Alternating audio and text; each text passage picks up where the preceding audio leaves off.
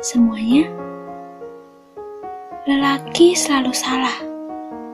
Itulah persepsi semua wanita terhadap seorang lelaki yang memutuskan mereka.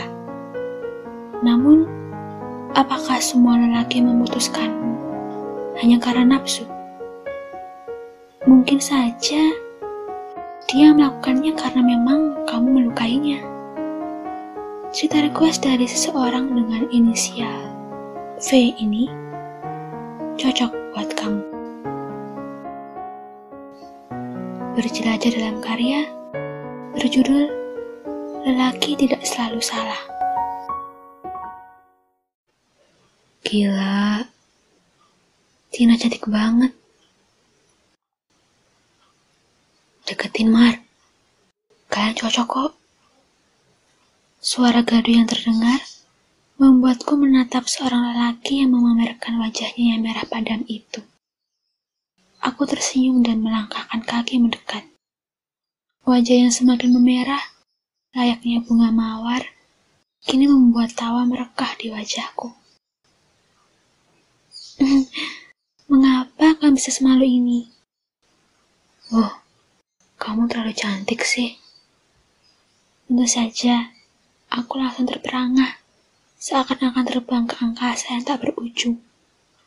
Laki-laki yang mampu menarik ekor mataku sejak awal bertemulah, yang sekarang berada di depanku dan memujiku. Kegiatan sosial yang menghiasi hari-hariku selama pengurungan suta umat di kediaman mereka tak mampu membuatku gelisah dan mengeluh. Wajah manisnya tetap saja menyita pikiran dan mataku. Meskipun aku sudah berusaha untuk tidak mengacukannya. Tentu saja, kedekatan kami yang semakin dekat membuatku semakin jatuh hati padanya. Begitu pula dengannya. Nah, aku mengantuk. Aku akan menghubungimu jika ada sesuatu yang terjadi padamu. Apakah kamu hanya hadir ketika aku ada masalah? Iya, itu aku lakukan agar aku bisa membantumu. Kamu tidak perlu membantuku setiap saat. Aku sudah cukup senang menerima kabarmu. Berilah kabar pada aku saja. Itu sudah lebih dari cukup. Iya, kedekatan kami tak berbuah baik. Kabar yang tak pernah tersiarkan dan terus pergi bagai kertas yang tertiup angin, kini terjadi pada hubunganku. Kegelisahanku ini membuat tanganku mengetik cepat nama Kalisa, sahabatku, dan langsung saja meneleponnya. Apa yang terjadi padamu dan Markus? Semua baik-baik saja kan? Saking rutinnya aku memberinya kabar tentang hubunganku, kini membuat Kalisa sampai-sampai langsung mengetahui tujuanku untuk menghubunginya. Dia lagi-lagi hilang kabar, Lis. Dia bilang bahwa dia akan menghubungiku jika aku memiliki masalah. Namun, akankah tetap ia terus seperti ini? Ah, aku baru saja bertemu dengannya. Dia memang sangat jarang memegang ponselnya saat ia bersama teman-temannya. Ya, sepertimu. Ketika kamu sedang asik berbicara dan bersenang-senang dengan teman-temanmu, kamu tidak akan fokus pada ponselmu saja, kan? Hmm, benar juga. Dia mengatakan bahwa dia hanya memberi kabar di saat keadaan berbahaya saja, itu karena ia ingin memposisikan dirinya sebagai pelindungmu. Ya, ingatlah saja, dia kan memang berada di bawahmu. Jadi, tidak semua hal yang kamu pikirkan bisa ia terima karena perbedaan umurmu itu. Dengan adanya perbedaan umur kalian, pasti ada juga perbedaan persepsi dan pikiran. Kamu benar. Hmm. Terima kasih, Lis. Penanaman lahan di pekarangan warga yang kami lakukan secara rutin membuatku semakin memiliki banyak waktu untuk menatapnya dari kejauhan. Kenapa kamu menatapku seperti itu? Kamu suka ya? Ya, begitulah. Setelah ini, aku ingin mengajakmu ke rumahku. Kamu mengerti kan? sebuah hubungan akan baik jika ada restu dari orang tua. Aku tahu. Aku mau. Matahari yang perlahan terbenam membuat semua kegiatan terhentikan. Tatapan ajakan dari wajah manisnya itu membuat langkahku bersemangat. Orang tuanya yang terlihat bahagia melihatku membuatku semakin yakin pada Markus. Orang tuamu terlihat sangat bahagia saat bertemu denganku. Apa aku benar? Mar, kamu harus datang ke rumahku besok. Ini, kamu ingin memperkenalkanku pada orang tuamu juga. Tentu saja. Baiklah, aku besok akan datang bersama Kristo. Kepergiannya membuatku sangat berbahagia. Aku segera menyiapkan segala sesuatu untuk pertemuanku di hari esok. Pagi yang aku harap berlalu dengan cepat, kini benar-benar terwujud. Wajah manisnya kini muncul di balik pintu. Aku sesegera mungkin mempertemukan mereka dengan ibuku. Namun, Suasana yang mencekam terjadi di antara aku dan ibu. Siapa dia? Ini teman spesial aku, Bu. Namanya Markus. Hmm, ibu tidak suka. Mengapa, Bu? Jangan biarkan dia kemari lagi. Ibu tidak berhak berkata seperti itu. Ibu baru menemuinya hari ini, kan? Dia saja penampilannya.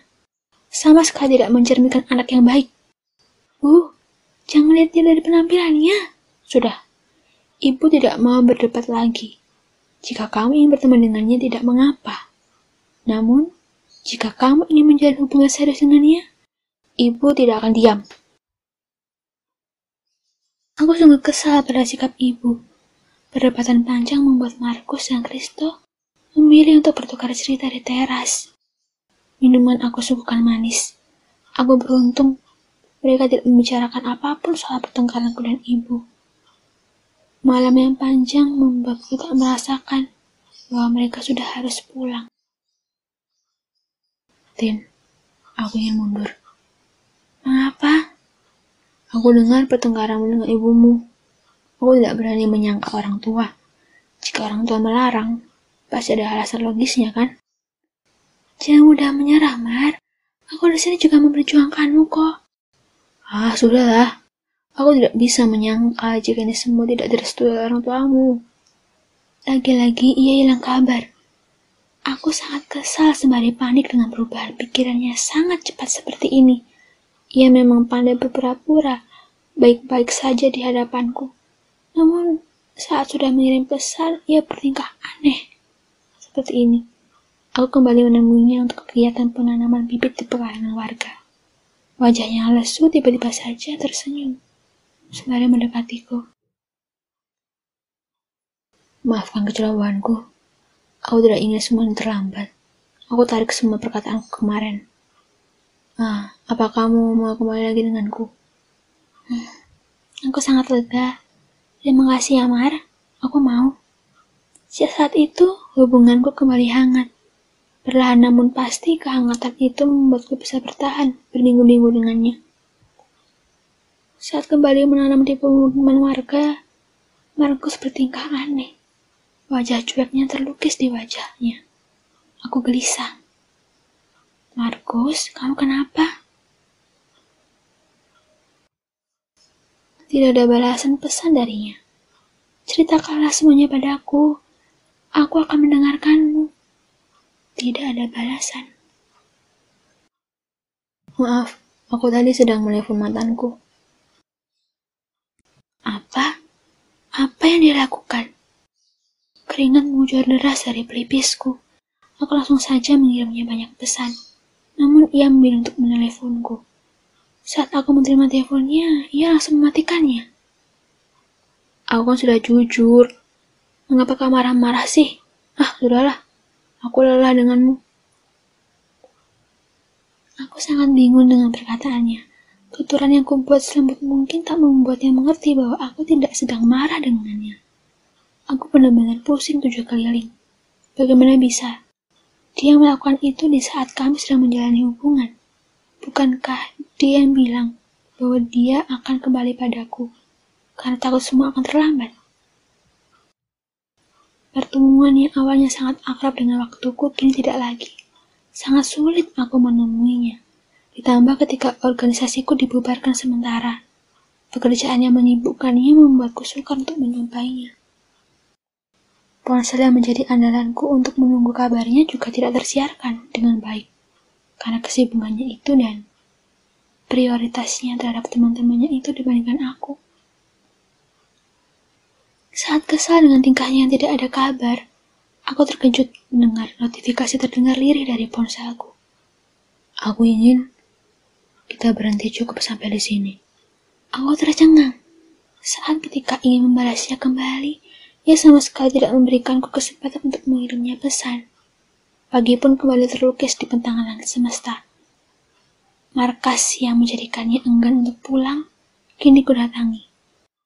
Markus, apa yang terjadi padamu? Aku tidak ingin kamu berkata seperti itu. Aku tidak mau hubungan ini berlanjut. Ini semua karena orang tua aku tidak merestui hubungan ini. Mengapa baru sekarang? Mengapa baru sekarang kamu mengatakannya? Selama berhari-hari, kamu milih diam dan memendam semua ini. Apa yang kamu lakukan? Kekesalanku membuat tanganku memukul lengannya. Tak pernah kusangka ternyata pukulanku itu membuatnya hampir terjatuh. Berhentilah memukulku. Pukulan keras tiba-tiba saja mengejutkanku. Wajah damainya kini menjadi sangat mengerikan.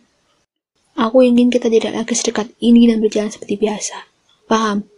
Serah, kamu ingin menceritakan ini pada siapa. Aku tidak peduli. Berhentilah mau aku lagi. Pergi. Tangisan pecah menetes di ekor mataku. Laki-laki yang aku banggakan kini malah menyakitiku. Suara telepon terdengar membisingkan telingaku. Seorang sahabatku mengajakku untuk bertemu. Aku langsung saja balik dan menemuinya. Semua cerita yang aku alami aku limpahkan padanya. Setelah berkata demikian, Kalisa tersenyum padaku. Mengapa semua lelaki selalu menyakitiku? Apa salahku, Lis? Kamu percaya nggak? Tidak semua lelaki melakukan kebodohan untuk menyakiti wanitanya karena nafsu. Bisa jadi mereka melakukan itu karena memang mereka terluka. Aku menatapnya dengan kebingungan. Mungkin saja ada beberapa kesalahan yang membuatnya sakit hati dan melepaskan. Tentu ini bukan hanya karena kamu memergokinya melalui mantannya, namun adakah sekiranya tingkah lakumu yang mungkin terkesan mengikut campuri semua yang ia miliki. Entah itu keluarga, teman, dan sahabatnya. Mungkin dengan menyimpan nomor-nomor mereka atau kurang menerapkan tidak tutur yang baik pada orang tuanya. Aku bingung dengan perkataannya. Ingatin, sebesar apa pun rasa sayangmu pada pasanganmu, jangan sampai kamu terlalu melebihi batasanmu ya. Tentu saja, kamu dan dia masih memiliki privasi masing-masing, di mana tidak semua hal bisa kamu ambil darinya. Mungkin dengan menyimpan nomor kontak semua kerabatnya itu menurutmu baik, namun itu akan menjadi masalah jika nyatanya itu sangat mengganggunya. Bagaimana kamu tahu? Aku memang menyimpan kontak mereka, supaya aku mengenal siapa keluarga dan teman-temannya. Semua itu hanya seperti itu kok. Aku tahu, Tin. Hmm, kamu tahu nggak ada sepatah kata bijak tentang kebaikan? Apa yang kamu anggap baik, tidak tentu akan dianggap baik pula oleh orang lain. Kamu tidak bisa menyamaratakan niat baikmu itu supaya semua orang menanggapi niat baikmu itu dengan baik. Itulah pentingnya memahami persepsi lain dari suatu hal. Aku mengerti. Mungkin tikahku itu bukan hanya mengganggu Markus, tapi juga mengganggu keluarga dan teman-temannya. Sudahlah, berhentilah menyalahkan dirimu sendiri. Aku yakin dengan kejadian ini, kamu bisa memperbaiki semuanya. Namun, jangan sampai kamu jatuh ke lubang yang sama ya. Terima kasih, Lis. Kamu memang benar-benar baik. Kebahagiaan terukir dalam hatiku dan Markus. Mungkin inilah pintu yang harus aku buka di mana aku harus bisa merenungi semua hal yang aku lakukan demi menjadi Tina yang lebih baik lagi. Aku mengakui semua kesalahan itu dan tidak lagi memaksa orang lain untuk menganggap niatku baik.